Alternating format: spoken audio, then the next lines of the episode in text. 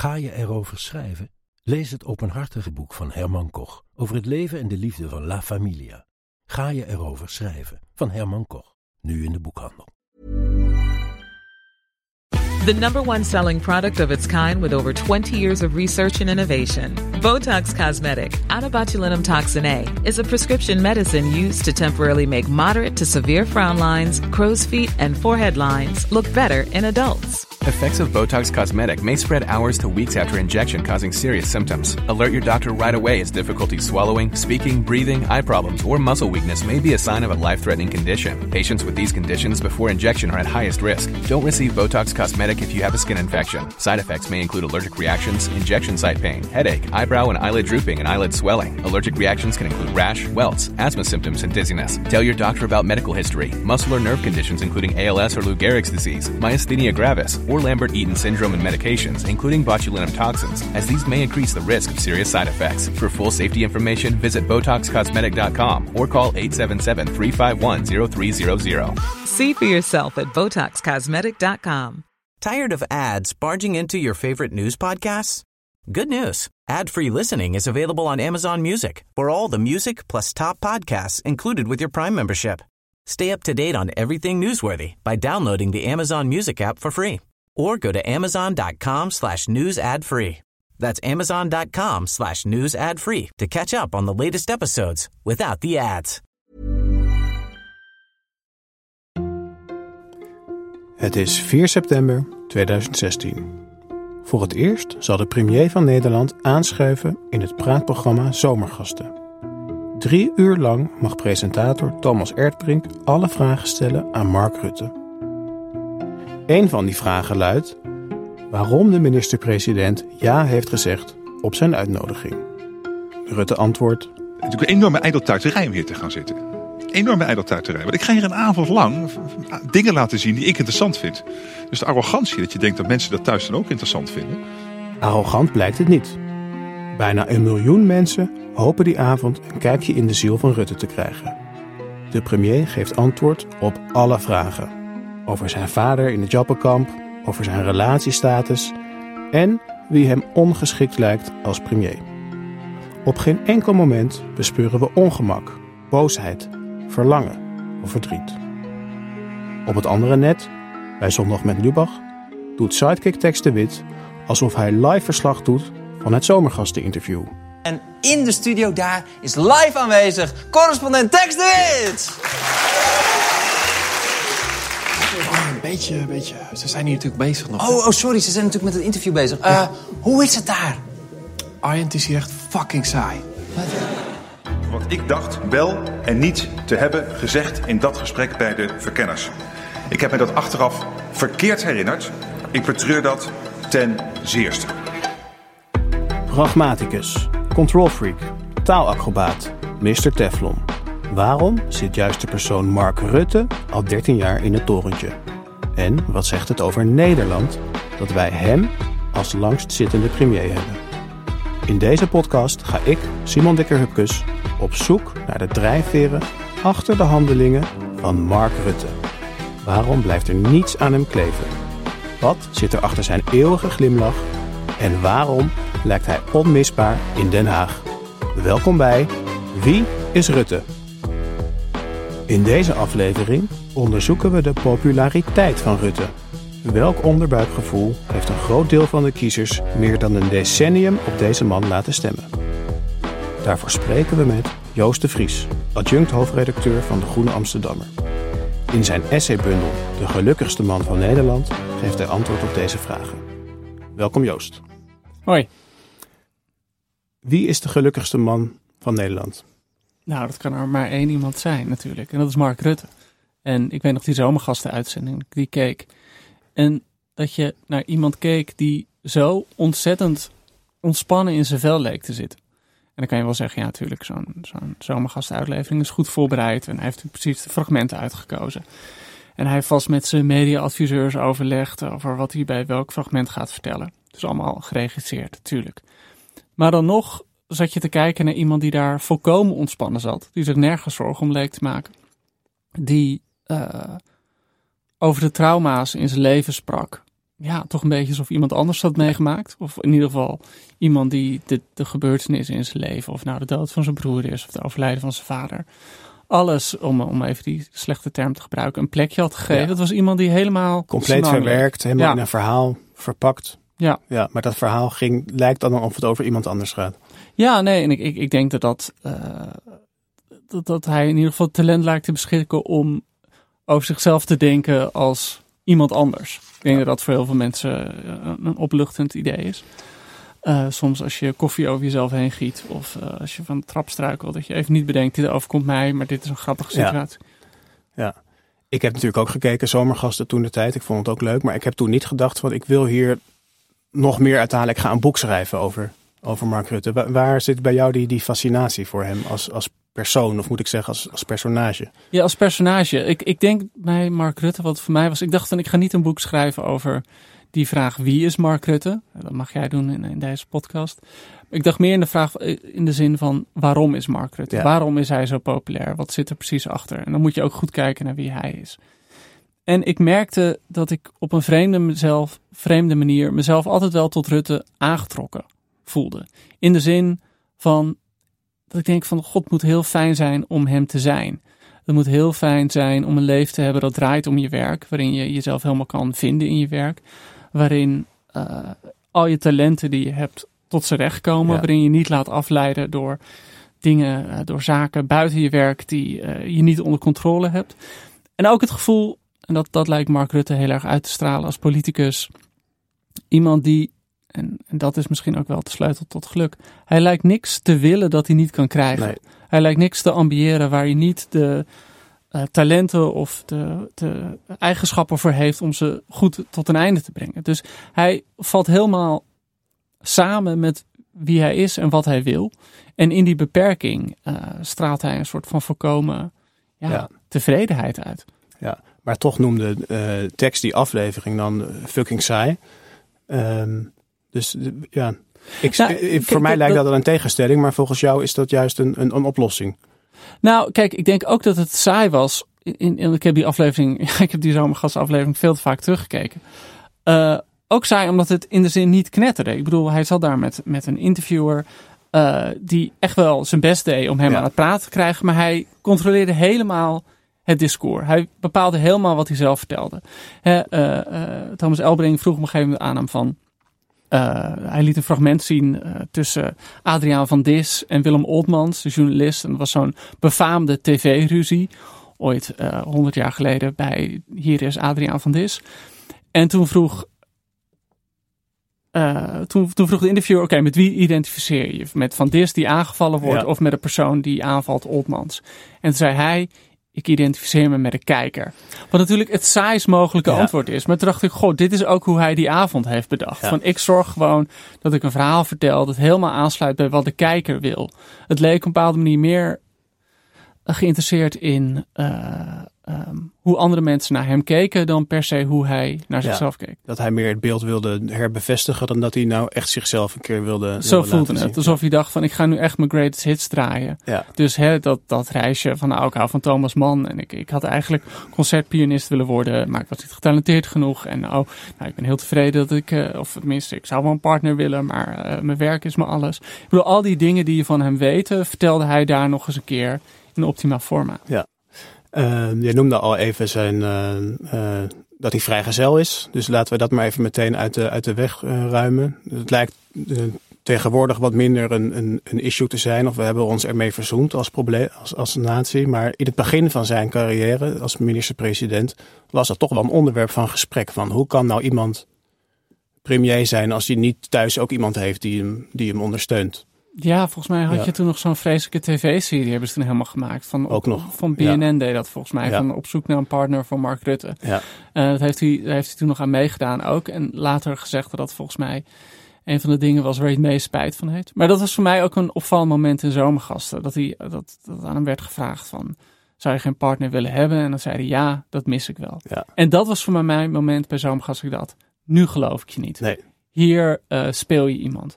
Ja. Want Mark Rutte komt helemaal niet over alsof hij iets mist. Nee. Mark Rutte komt over alsof hij heel tevreden is met zijn leven. Ik denk dat de meeste mensen, en dat is voor mij ook de, de- zeg maar de aantrekkingskracht om naar hem te kijken, eh, als die 60% zo tevreden met hun leven zouden zijn als Mark Rutte tevreden met zijn leven is, zouden ze dolgelukkig Ja. zijn. Dus jij Eh, denkt dat hij gewoon... Ik denk Ja. dat op dat moment dat hij echt dacht van ik hoor dit te zeggen, want mensen vinden, nou ik weet niet of het uh, aseksueel is of iemand die in ieder geval geen behoefte heeft aan een partner, vinden Ja. mensen toch altijd een beetje raar eh, en, en ongemakkelijk en je identificeert je er zelf misschien minder snel mee Als kiezer. als kiezer. Ja. Eh, maar ik denk dat Mark Rutte helemaal niet op iemand zit te wachten. Ja. Ik denk dat hij heel gelukkig is met wie hij zelf is. Ja. Rutte noemde dat zelf ehm, het laatste taboe. Dat hij als, als single was. Of daar kwam ook een soort idee van... ja, Nederland heeft 3 miljoen alleenstaanden. Dus dan is het ook niet gek dat er een keer eentje...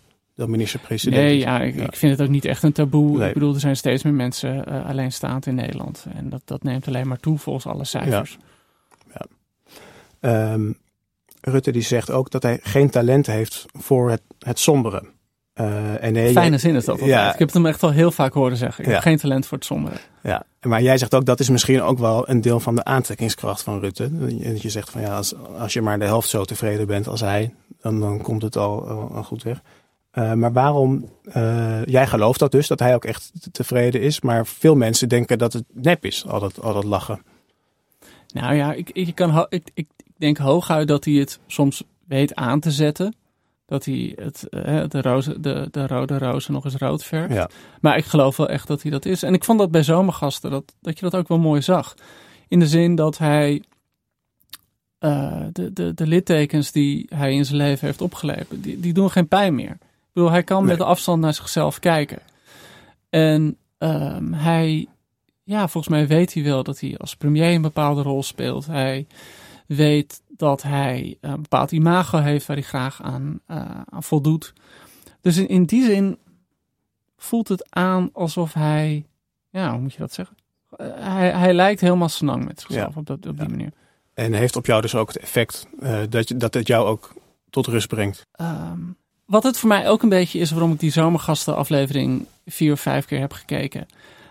Het voelde voor mij een beetje aan alsof je naar een sitcom kijkt. Weet je wel, je hebt mensen die voor de vierde keer opnieuw alle afleveringen van Friends gaan kijken. Ja. Of van The Office. Omdat je kent die personages en je kan ze gewoon aanzetten op de achtergrond. En het is vertrouwd en het is kalmerend. Ja. En doet je ook denken aan de vorige keer dat je Friends aan het kijken Ja, was. inderdaad. Dus het, het, en, en dat is het wat bijna met Rutte is. Hij zit er inmiddels ook zo lang. Eh, het is een man die geen appel van je doet. Je weet, eh, er is geen groot geheim, er lijkt er te zijn. Er is niet iets vreemds dat hij van je wil. Het is gewoon hele. En in al die tevredenheid en dat optimisme en die positiviteit die hij uitstraalt, is het bijna alsof je op de achtergrond de office aan hebt. En het is bijna alsof je, eh, weet je wel, een grote bak pasta carbonara voor je hebt. Elke hap is hetzelfde. Het is bijna troostend om het allemaal tot je te nemen. En ik denk dat dat een, een ja, een, eh, en ik bedoel, politiek gezien scheel ik enorm met Mark Rutte, maar er gaat bijna een vreemde geruststelling van hem uit, Ja. dat hij daar zit. En dat is eigenlijk die, die populariteit van hem die ik wilde onderzoeken in mijn boek. Mark Rutte als comfortfood. Mark Rutte als comfortfood, ja. Het is 24 april 2019. De gemeente Zandvoort is in onderhandeling met het Formule 1 management om de Grand Prix naar Nederland te halen. Hiervoor wil ze extra geld uittrekken, 4 miljoen om precies te zijn. Critici vinden het maar niets dat er belastinggeld gaat naar zo'n vervuilend evenement, terwijl we midden in een klimaatcrisis zitten. In een interview met het Algemeen Dagblad krijgt Rutte hier vragen over. Waarom wil het kabinet dat Nederlanders meer betalen voor schone energie, terwijl tegelijkertijd gejuicht wordt als een vervuilend circus als de Formule 1 naar Zandvoort wordt gehaald? De premier ziet het probleem niet zo. Natuurlijk is het vervuilend, maar dat is het verschil met GroenLinks. Zij willen dat we allemaal geitenwolle sokken dragen, de kachels achter doen en in een zwart-wit foto gaan wonen. De conclusie van Rutte? We moeten wel lekker kunnen blijven barbecuen. Ja, Joost, het leven moet wel leuk blijven. We moeten wel gewoon kunnen blijven barbecuen. Wat zegt zo'n antwoord jou? Nou, ik heb eh, bij mijn werkplek heb ik een prikbord en daar prik ik altijd allemaal onze kaarten op. Of een poster van een film of eh, iets grappigs. Een soort van, ik zal het niet een wall of inspiration noemen, maar weet je dat. Maar heel lang hangt daar een cartoon op. En die cartoon is wel bekend. Die is ook in 2016 met de verkiezingen in de VS ging die viral. Eh, en hij is ook als meme is hij geworden, dus hij is heel veel bewerkt. En dat is een cartoon, misschien ken je hem wel, This is Fine, Ja. heet hij over het algemeen. En dan zie je een hondje, een hondje heeft een hoedje op en die zit in een café koffie te drinken. En dat café staat in brand. En hij zegt, this is fine. En die vlammen komen steeds dichterbij. En hij zegt van, I am okay with the events that are unfolding currently. Dus, en langzaam maar zeker op het laatste plaatje wordt hij echt verteerd door de vlammen. Maar hij blijft maar volhouden, Ja. this is fine. En het gekke is, Rutte bedacht ik opeens, toen ik hier over aan het schrijven was, Rutte is daar de belichaming van.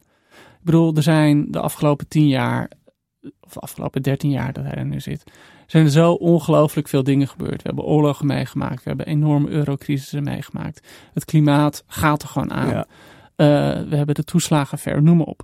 Zoveel gaat er mis. En ondertussen zit Rutte daar met een glim- glimlach op zich gezegd, this is fine. En ik denk dat dat iets is dat heel aantrekkelijk is voor heel veel mensen. Het feit dat hij eh, lijkt uit te stralen, er is geen probleem. Nee. We kunnen gewoon doorgaan hoe we verder willen gaan. En hè, er zijn levensgrote problemen in de maatschappij en in de wereld. En dat is best wel eng om daarover na te denken. En eigenlijk zegt Rutte in zijn gedrag, in zijn uitstraling, je hoeft er niet over na te denken. Laat maar.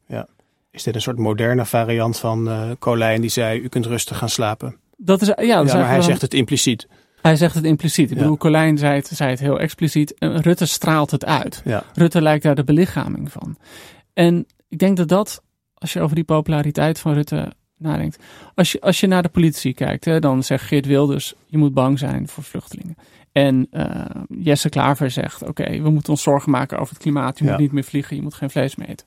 En Adje Kuiken van de PvdA, die straalt uit van, oké, eh, de, de welvaart moet eerlijker Ja. verdeeld worden. Dus alle politieke partijen stralen iets uit, we willen iets. Er moet iets veranderen, je moet ergens bang voor zijn. Eh, je moet je, je- hoe je leeft, moet je gaan aanpassen. Allemaal doen ze een appel op jou om te veranderen. En Mark Rutte doet geen appel op jou. Mark Rutte zegt, blijf maar zitten op het Ja. stoeltje, this is fine.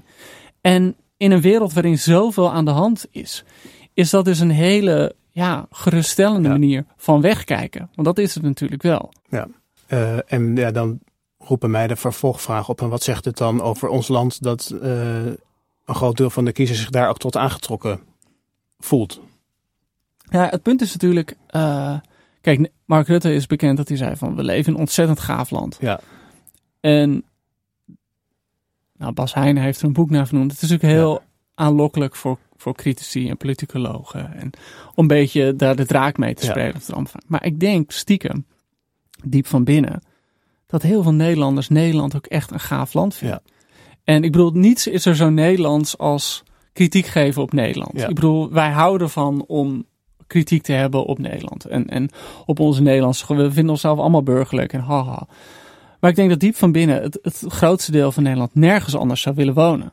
Ik bedoel, ik denk dat de meeste Nederlanders eh, heel tevreden zijn met ons leven hier. En ik bedoel, er was een heel spraakmakende brief een keer eh, in de Volkskrant, geloof ik, toen over de toeslagenaffaire. Waarin iemand zei van, ja, god, eh, we zijn nu allemaal boos op de toeslagenaffaire. Maar ja, god, mijn man en ik, wij hebben nooit iets te maken met de Belastingdienst. Wij betalen onze belastingen op tijd. We ontvangen geen toeslagen. We doen gewoon wat we doen. Waarom maken we hier zo druk om? En ik denk dat dat ja, stiekem voor heel veel Nederlanders geldt. En als wij zo van klagen houden en we zijn ook eh, tevreden met onze premier, is het dan niet, ontnemen we onszelf niet de lol van lekker klagen op de minister-president? Want dat wordt dan wel lastig. Ehm, ja, nou ja, ja. je bedoelt dat we een, politici, eh, een, politicus uitkiezen voor het torentje waar we allemaal lekker boos op kunnen Ja. zijn. Nou ja, het, het, het voordeel is wel dat inmiddels iedereen wel redelijk boos op Mark Rutte. Ik bedoel, de populariteit die hij ten tijde van zomergasten heeft, heeft hij niet meer. Ja. Daar is denk ik wel echt iets gebeurd. Ja. Maar ehm, ik, ik denk dat Mark Rutte dus, nou, en dan kom je weer bij This is Fine, uitkomt op ehm, dat, dat talent, dat hij geen aanspraak doet Ja. op mensen. En het grappige is, eh, wat voor mij, toen ik over Rutte aan het schrijven was en toen ik mijn boek maakte en, en heel veel zat te lezen, las ik een boek van Rick Perlstein, dat is een Amerikaanse politicoloog. Die had een boek over Nixon geschreven. En daarin schreef hij iets heel slims over Nixon. Nixon was president eh, eind jaren 60 en Ja. in 68 werd hij verkozen. Wordt over het algemeen wel gezien als Ja, als een schurk. schurk, Ja, ja. natuurlijk. Met Ja. Watergate is natuurlijk Ja. echt iemand die, eh, die alle mogelijke dingen in het geheim deed. Die echt lak had aan democratie in feite. Maar in 68 werd hij verkozen. 68 was natuurlijk het revolutiejaar. Was het jaar waarin de, uh, Martin Luther King werd vermoord. Uh, Robert Kennedy werd vermoord. Overal protesten tegen Vietnam over de hele wereld. Parijs, noem maar op. Uh, en Nixon, en dat schrijft, beschrijft Prolstein heel mooi in een zin, zei van Nixon snapte één heel belangrijke waarde en dat was, schrijft, schrijft the future belonged to the politician who could tap the ambivalence, the nameless dread, the urge to make it all go away. En ik denk dat dat een heel belangrijk is, dat je een politicus hebt in al die paniek en in al die ruis en in al die stress die je voelt in het publieke debat, dat je een politicus daar in het midden hebt die gewoon uitstraalt. Als je op mij stemt, hoef je er niet over na te denken. Als je op mij stemt, kan je het van je af laten glijden. Als je gewoon naar mij kijkt, hoef je niet na te denken over al die grote dingen die je hoeft te veranderen. Ja, ook een beetje. En dat is volgens mij wat Mark Rutte op een hele slimme manier belichaamt. Mooi, dus ook echt een soort van als het ultieme redelijke midden. Ja, ja, maar op, op een diepere manier gaat het zelfs voorbij redelijkheid. Want mm, ja, ik bedoel, Mark Rutte, wegkijken is in principe niet redelijk. Ik bedoel, als je huis in de brand staat, ga je niet wegkijken. Dan moet je gewoon een emmer water halen. Maar Mark Rutte verstaat het talent dat het huis in de brand staat en je denkt gewoon niet meer na over de brand. En dan, nou, dan kom je weer terug bij dat This is Fine. Ja, maar hoe eindigt die cartoon This is Fine? Dat dat uh, hondje met het hoedje helemaal afvikt. Ja, precies. Dus dan, dat is, wat is dan het gevaar van deze, deze houding ten opzichte van, van Mark Rutte? Hoe lang kunnen we het volhouden? Nou, dat, dat is een hele goede vraag. En ik denk dat, dat, er, uh, dat we nu op een punt zijn aangekomen. En, en ik bedoel, Mark Rutte is niet achterlijk. Dus je ziet bijvoorbeeld met het, met, uh, het klimaat dat hij een enorme draai heeft gemaakt. En dat hij nu opeens helemaal groene investering heeft omarmd. En de VVD heeft onder hem ook opeens zijn ze overgestapt van zeg maar het, het aandeelhouderskapitalisme naar uh, weer teruggaan en zorgen van hoe zorg je dat mensen belasting betalen. Dus ik bedoel, er is wel een wijziging plaatsgevonden, omdat het natuurlijk niet houdbaar is uiteindelijk. Het is 20 januari 2023. Het NRC kopt alsof het prinsje dat even op de troon mag zitten, nu ook maar meteen de scepter pakt. We zien een foto van het Oval Office met daarin Mark Rutte. Het is de derde keer dat hij op bezoek is in het Witte Huis. En dat is te zien. Rutte mag op uitnodiging van president Biden achter de Resolute Desk plaatsnemen. Een bijna heilig meubel in Amerika. Dat hij daar mag zitten is een zeldzaamheid. Ooit werd Obama gefotografeerd met zijn voeten rustend op dat bureau. Ontheiliging, riepen de Republikeinen. Voor Appeltje op de fiets Mark is dit de ultieme jongensdroom. Hij zit op de stoel waar John F. Kennedy heeft gezeten. En ook zijn omstreden opvolger Lyndon Baines Johnson, wiens biografie Rutte uit zijn hoofd kent. President Biden zelf staat schuin achter Rutte. Zijn blik hangt tussen geamuseerd en bezorgd in. Want nu hij zijn Nederlandse collega een vinger heeft gegeven, neemt die de hele hand. Rutte heeft besloten presidentje te spelen met een van de telefoons op het bureau. Met een tevreden grijns houdt hij de hoorn naast zijn gezicht. En je hoort het hem zeggen: Yes, this is your president speaking. Joost, wat dacht jij toen je deze foto zag van Mark Rutte? Ik dacht, hier moet inderdaad een jongensdroom in vervulling gaan. Ik bedoel, Mark Rutte is iemand die ongelooflijk geschoold is in politieke geschiedenis. En hey, je hebt die foto van Obama dat hij zo zit. Maar je hebt ook een foto van Kennedy dat hij zo aan dat bureau zit. Je hebt ook een foto van Clinton dat hij zo aan dat bureau zit. Ik bedoel, dit is denk ik Mark Rutte die even inderdaad zijn, zijn geschiedenis uh, fetish kan, kan uitleven. ja. Ik, ik hou ook zelf enorm van de Amerikaanse politiek. En ik was bijna blij voor Rutte. Zeg maar van, ik vond het leuk voor hem dat het dit gegund was om even op die foto. Ja, nee, ik bedoel, je, hebt, je hebt heel veel van die. Je hebt natuurlijk ook zo'n beroemde ontmoeting van Balkenende met Bush, wat zo super ongemakkelijk is. En ik bedoel, je, je, je bent bijna blij voor Rutte dat hij daar even zo ontspannen mag zitten. Ja. Al moet je ook zeggen, hij komt natuurlijk inmiddels ook al 13 jaar. Komt hij daar? Ik bedoel, hij weet. Uh, hij heeft meerdere presidenten mee. Biden was als de derde president. Ja. ja. Uh, we hadden het al even over de uh, biografie van uh, Lyndon B. Johnson, geschreven door Robert Caro. Nou, dat is een beroemd uh, boek. Ja. Alle politieke watchers. Er zijn nu vier delen zijn er verschenen. En iedereen kijkt rijkhalsend uit naar het vijfde laatste deel. Iedereen kijkt uit naar deel 5. Uh, Rutte die is zo fan dat toen hij in New York was, heeft hij de schrijver ook ontmoet. Ja. Ja, dat zijn toch wel de voordeeltjes als je premier bent. Hè? Dat je dan iemand even die, die bekend staat, dat hij als een soort van kluizenaar aan zijn boek werkt. Maar ja, dan ben je premier, dan komt hij toch opdraven. Ja. En, uh... Jij hebt die boeken ook bestudeerd. Kan je iets vertellen, wat zijn dat voor boeken en, en waarom, of wat kunnen we eruit halen dat Rutte daar zo enorme fan van is? Nou, kijk, Lyndon Johnson was een, een fascinerend politicus. En dat was iemand die op een hele slimme manier inzicht in mensen had. Dus Robert Caro beschrijft heel mooi als er iemand bij Johnson de kamer inliep, dan snapte Johnson vaak beter dan die persoon zelf wat die persoon echt wilde en waar hij bang voor was. Dus hij was heel, op een hele slimme manier kon hij mensen op men, wist precies wie, wie moet je paaien en wie moet je uh, intimideren. Dus dat is denk ik op een hele in die biografie zit ook ja, eigenlijk de hele geschiedenis van de Amerikaanse politiek van de, van de 20e eeuw. Dus, eh, maar vooral gaat het om hoe werkt macht. Ja. Vooral gaat het om op welke plekken kun je macht vinden en hoe kan je het toe-eigenen. En waar, uh, Mark Rutte heeft er wel eens over gesproken dat hij heel veel geleerd heeft van Maxime, uh, Maxime Verhagen het CDA, dat hij altijd snapte op welke plek in een vergadering moest je spreken. Ja. Welke positie, hè, soms heeft de secretaris veel meer macht dan de voorzitter. Dus welke rol moet je hebben om echt macht te kunnen uitoefenen. En die biografie van, van, van Caro, van Lyndon B. Johnson, gaat eigenlijk over macht. Ja. En hij schrijft er ook over macht onthuld. Ja, macht reveals. En, en in het geval van Johnson, uh, kijk, Johnson was een man die allerlei wetten brak, die aan de lopende band vreemd ging, die uh, ja, iedereen in staat was te verraden. Maar, omdat, het, omdat het kon. Omdat het kon, omdat hij daar dan voordeeltjes mee kon halen. Maar, zegt Robert Caro dan, power reveals. Ja. En eigenlijk is dat het, het, soort van het happy end. Dat als Johnson dan eenmaal president is. En hij kwam uit het zuiden. Hij maakte hele racistische opmerkingen. Had hele foute vrienden. Maar toen hij eenmaal president was. En eigenlijk niet zo meer in de weg stond. Toen heeft hij allemaal wetten aangenomen om bijvoorbeeld de rechten van zwarte mensen. Ja. Dus eigenlijk zegt Johnson, op het moment dat je die, of dat zegt Carrot, als je die macht hebt, dan zie je pas wie iemand echt ja. is. En dat gaat dus dan niet om die affaires en uh, nee, wetten nee, breken, maar nee. het gaat erom wat hij er wel voor ja, elkaar want al die, die wetten breken, dat was Ja. gewoon om die positie te hebben. Op het moment dat je die positie hebt en niemand staat je nog in de weg, dan zie je pas wie iemand echt Ja. is. En als we dit nou even transporteren naar Mark Rutte, wat, wat, hij is nu 13 jaar aan de macht, uh, wat heeft het onthuld over, over hem? Ja, dat is, dat is dus mijn, mijn uh, grootste hindernis toen ik mijn boek aan het schrijven was. Want wat heeft Mark Rutte nou precies Ja. met die macht gedaan? Heel weinig. Ik bedoel, als je naar zijn, zijn kabinetten kijkt en naar zijn regeringsprogramma's. Hij is nu eigenlijk het, het uh, ongedaan aan het maken wat hij in eerdere kabinetten heeft geregeld. Ja. Ik bedoel, het is niet iemand, hij maakt natuurlijk altijd die flauwe grap over voor visie moet je bij de opticien zijn. Maar het is niet iemand die een bepaalde kant op wil. Het is niet iemand die zegt van Nee. het, het, het schip van staat moet uh, keren. Ja.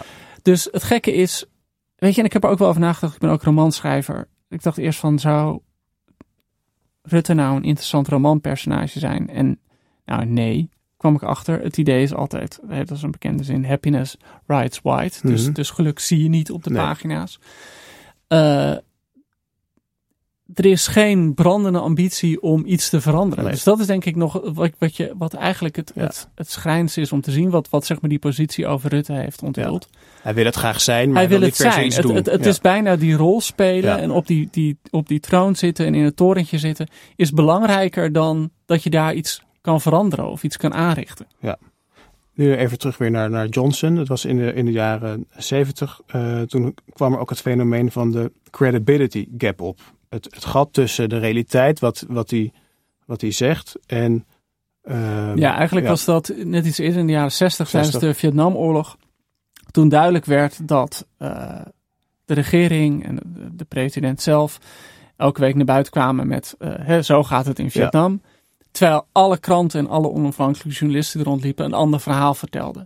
En dat, toen kwam weer die term gemunt van de credibility cap. En dat is eigenlijk dat je ziet dat wat de president zegt heel ver afstaat Ja. van wat er daadwerkelijk gebeurt. En dat Ja. je ook bijna niks meer wat die persoon zegt, ook al is het waar, geloof je het bijna niet Nee. meer. En het, het pijnlijke is met Rutte, hè, Rutte heeft die boeken allemaal gelezen en die heeft eindeloos nagedacht over Johnson. En ik denk toch met het omzichtdebat dat er toen was, uh, twee Ja. jaar geleden alweer. Ja, 1 Eh, april. 1 april, Ja. dat, dat daar toen iets is ontstaan, denk ik, waar hij nooit meer van hersteld is. Dat iedereen wel inmiddels echt Ja. weet, ja, Rutte eh grijnst, maar je weet dat, er, dat die grijns inmiddels behoorlijk hol geworden is. Maar dat is heel interessant, want hij stond er altijd onbekend. Alles glijdt van hem af. Of een minister die, die krijgt de schuld en die, die moet ontslag nemen. Maar Rutte die, die wordt daar eigenlijk niet door aangetast. Waarom is het dan met het omzichtdebat, waarom was dat fundamenteel anders? Nou ja, ik, ik denk dat. eh, kijk, Rutte is er wel vaker op betrapt dat hij eh, niet helemaal de waarheid sprak. En hij, ik bedoel, in de Kamer stond natuurlijk wel bekend dat hij buitengewoon vindingrijk is met formuleringen verzinnen waarmee je onbepaalde onderwerp. Ja. Maar in dit geval was het natuurlijk zo één op één. Ook nog over Omtzigt, die natuurlijk een, populair figuur was. Dat, dat hij, zijn eerste reactie was van nee, we hebben het niet over positie elders gehad. Ja. En volgens bleek aan alle kanten dat het wel zo was geweest. En ook het feit dat het net na de verkiezingen kwam. eh, echt op een moment dat er een nieuwe regering. Opeens merkte je gewoon. In Den Haag hebben ze ook niet allemaal zin Nee. meer om met hem verder te gaan. En die lol die hij uitstraalt. Ja, eh, kijk, die is alleen leuk als andere mensen het ook nog leuk vinden. Ja. En ik denk dat we echt in een punt waren aangekomen. En we zijn aangekomen. Ja, eh, die tijd van mooi weer spelen. Ja, het is gewoon echt geen mooi weer meer. Of het nou gaat om toeslagenouders, als het nou gaat om boeren die zich bedreigd voelen, als het gaat om mensen die zich als de dood zorgen maken over wat er met het klimaat gebeurt. De tijd van mooi, ja, het is gewoon geen mooi weer meer. Nee. En dat, dat hij dat toch bleef, bleef proberen, op, en ook op dat moment, terwijl je zo nadrukkelijk betrapt bent. Ja, ik denk dat er toen wel iets gebroken is. Ik wil nog even terug naar, naar Johnson, omdat ik dat zo'n mooie vergelijking eh, eh, van jou vind. Eh, want het is interessant, hij staat dus inderdaad bekend als een, een verschrikkelijke vent. Maar hij heeft wel die Civil Rights Act er doorheen gekregen. The Great Society met heel veel welvaartsverdeling, heel veel ja, ziekenhuizen gebouwd, precies. ongelooflijke goede dingen gedaan Ja. eigenlijk ook. En je noemde dus al van Rutte lijkt bezig met een soort langzame draai op punten van eh, bijvoorbeeld eh, klimaat of eh, de huidige stikstofproblematiek. Als we even een langer termijn perspectief nemen, als we in 2040 of 50 terugkijken op de, op de periode Mark Rutte, wat zullen toekomstige historici dan over hem schrijven? Nou ja, het grappige is, dan gaan ze allemaal zeggen, oh Mark Rutte, dat was de langzittende premier die we ooit hebben gehad. Met de grote ironie dat hij in die lange periode de wetten die hij in zijn vroege tijd heeft aangenomen, ongedaan heeft gemaakt in zijn tweede periode, in zijn latere periode. Eh, dus er zit een hele vreemde paradox die denk ik heel veelzeggend is voor Mark Rutte. Namelijk dat hij ja, net zo goed eh, zeg maar plan groen uitvoert en net zo eh, als dat hij plan eh, rood uitvoert. Ik bedoel, het is iemand die fluitend, fluitend zeg maar zijn eigen wetgeving Ja. ongedaan lijkt te maken en te vervangen voor nieuwe wetgeving. Dus ik denk dat, dat kijk, Johnson heeft echt van die mijlpalen achtergelaten. civil rights bewegingen, rechten aangenomen. heel veel vergaand is geweest. Ja, Rutte, ik zie niet Nee. helemaal wat hier zo achter zou moeten laten. Nee. Ik bedoel, hij heeft excuses gemaakt voor slavernij. Dat was een mijlpunt. Maar ja, dat had elke premier na hem anders ook moeten doen. ook ik moeten bedoel, doen, dat, dat, ja. daar kom je niet on- onderuit. Eh, die klimaatwetgeving, ja jongens, ik bedoel, elke politicus zal daarmee te maken moeten hebben. Dus ik denk niet dat dat dingen zijn zoals bij, bij, bij Johnson, waar dat echt, hij was de enige die dat kon doen. Hij Mhm. was de enige die die wetten er doorheen kon drukken. En Rutte heeft volgens mij niet iets soortgelijks eh op zijn, op zijn Ja. kerfstok. Hè. Volgens mij niet dingen die zo diep van binnen hem, die zonder hem niet gebeurd zouden zijn, heeft hij Ja. niet de Jij, dreiging. jij zegt eigenlijk, het zal wel aan hem toegeschreven worden, maar het is niet helemaal op zijn konto eigenlijk te, Nee. deze dingen niet, nee. En wat betreft eh, beleid, dus geen grote eh, mijlpalen. Maar even terugkerend naar jouw persoonlijke fascinatie voor het, het personage Mark Rutte. Hoe zal jij je hem herinneren in, in 2040? Nou, ik, ik denk dat, dat niet alleen ik hem zo zal herinneren, hopelijk. Maar toch een beetje als een scharnierpremier. Dus een premier die tussen twee werelden in zat. En dat is de ene wereld van zeg maar de conventionele oude politiek en dat wat erna gaat komen. En ik denk dat Rutte in die zin heel erg de belichaming wordt van, van anderhalf decennium. eh, waarin eh, hij ons in staat stelde weg te kijken van grote problemen. Waarin hij als een soort feel-good premier eh, ons troostte Ja. voor, een, voor heel veel gevaren. Ja, en ga jij dan ook nog, als het zo over die zoveel lange tijd, ga je dan ook nog een keer zomergasten terugkijken?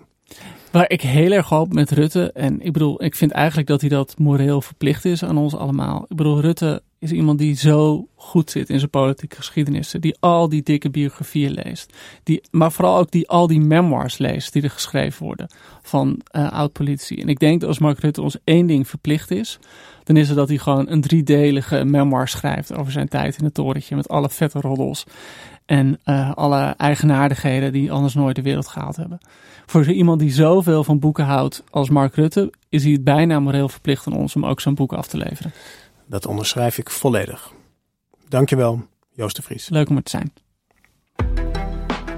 Je luisterde naar Wie is Rutte? Een productie van VPK Audiolab en uitgeverij Atlas Contact. Wil jij meedenken over wie de volgende Wie is-serie moet gaan? Ga dan naar www.wieis.nl om te stemmen. In de volgende aflevering spreken we met EU-expert Caroline de Gruiter over hoe Rutte het machtsspel in Brussel speelt. Merkel heeft dat super gedaan. Echt, ik krijg nog kippenvel als ik eraan denk. Ik wou dat Rutte dat ook had gedaan. Want dan hadden mensen begrepen waar dit om ging. Waardeer je deze aflevering? Geef ons dan een recensie op bijvoorbeeld Apple of Spotify. Dat helpt andere mensen deze serie ook te vinden. De redactie van Wie is Rutte is in handen van Rachel van der Pol en van mij, Simon Dikker-Hupkes. Productie door Ellen van Dalsem, Bart Jeroen Kiers en Hedy de Vree. Techniek en montage Daphne Blokhuis en Stefan van Duin van Tinium Audioboekproducties.